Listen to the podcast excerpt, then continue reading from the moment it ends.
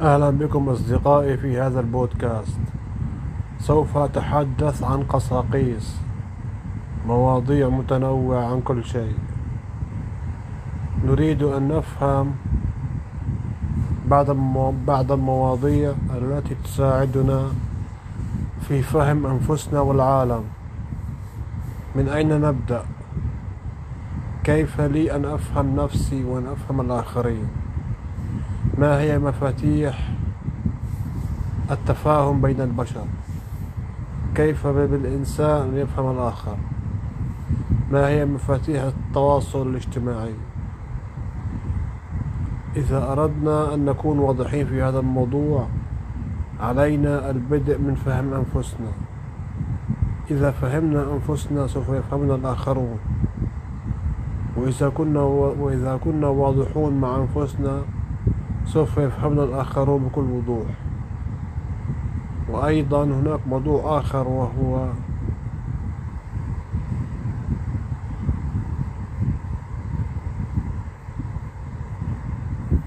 الصمت. الصمت مفتاح للحكمة. إذا أردنا أن نكون حكماء فعلينا بالصمت. كثرة الحديث من علامات الحمق.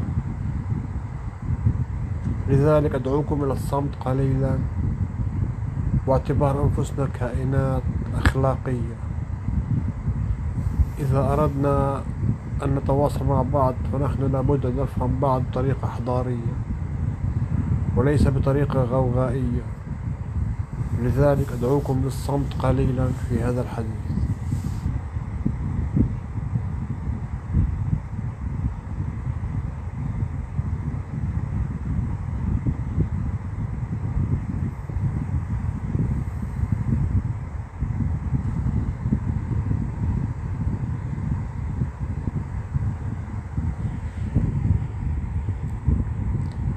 هل فهمتم أنفسكم؟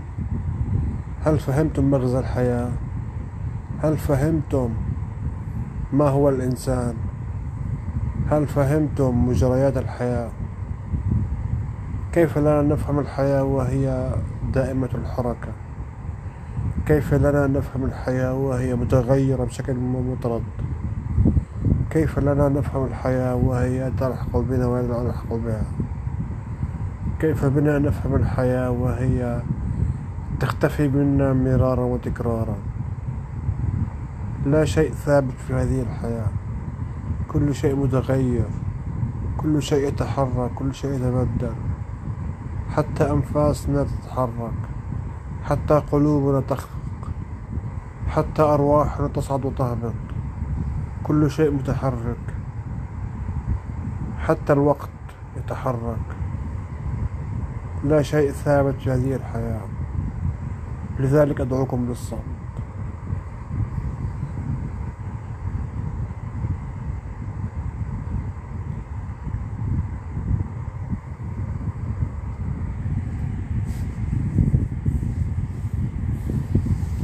إذا أردنا أن نفهم الحياة علينا بالصمت الصمت مفتاح الحكمة وهو رسول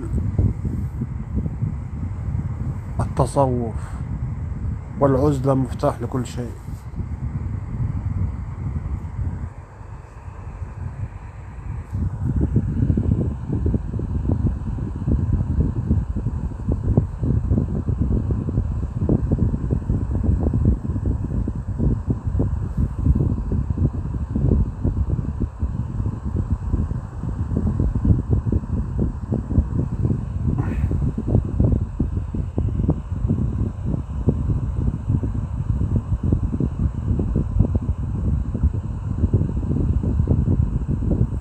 كيف لنا نفهم الآخرون ونحن كائنات صامتة. نحن ولدنا هكذا صامتون. نحن القادمون. نحن أهل العالم الآخر. ولدنا هكذا بلا أفواه وبلا إجابات وبلا أسئلة. نحن متألمون. نحن مليئون بالأسئلة. مليئون بالقواميس والنواميس. من يفهمنا ونحن هكذا. من يجيب علينا ونحن هكذا. من يراودنا عن أنفسنا ونحن هكذا. ولدنا مرتين. ولم نعلم أجوبة كثير لهذا العالم. هذا العالم مترامي الأطراف الذي يبتلينا كل يوم. ويمحق ذاكرتنا وأسطورتنا الشخصية. من لنا يفهمنا في هذا العالم؟ ليس لنا أحد. ولدنا هكذا يتماء وسوف نموت يتماء لا نريد مزيدا من البؤس ولكن هذه هي الحياة. علمتني كثيرا وجعلتني أسقط كثيرا. جعلتني أتألم كثيرا وجعلتني أراودها عن نفسها. تلك هي المجنونة الحمقاء التي تسمى الحياة. جاءت بنا إلى هذا العالم ونحن لا نعلم شيء. تألمنا وكبرنا وصعدنا في هذا العالم وما زلنا نتعلم ولكن هيهات هيهات. لا مراد لهذا العالم لا طريق ولا شيء سوى البؤس سوى الدمار لكل شيء. حتى نهاية كل إنسان هي الموت. هذا العالم مزيف ومؤقت. ولكن العالم الحقيقي يأتي بعد الموت. من منا يبحث عن الموت؟ من منا يفكر فيما بعد الموت؟ كلنا تائهون في هذا العالم. نجوبه شرقا وغربا نبحث عن شيء ممتع أو سعارة زائفة أو صورة زائفة أو كاميرا مؤقتة.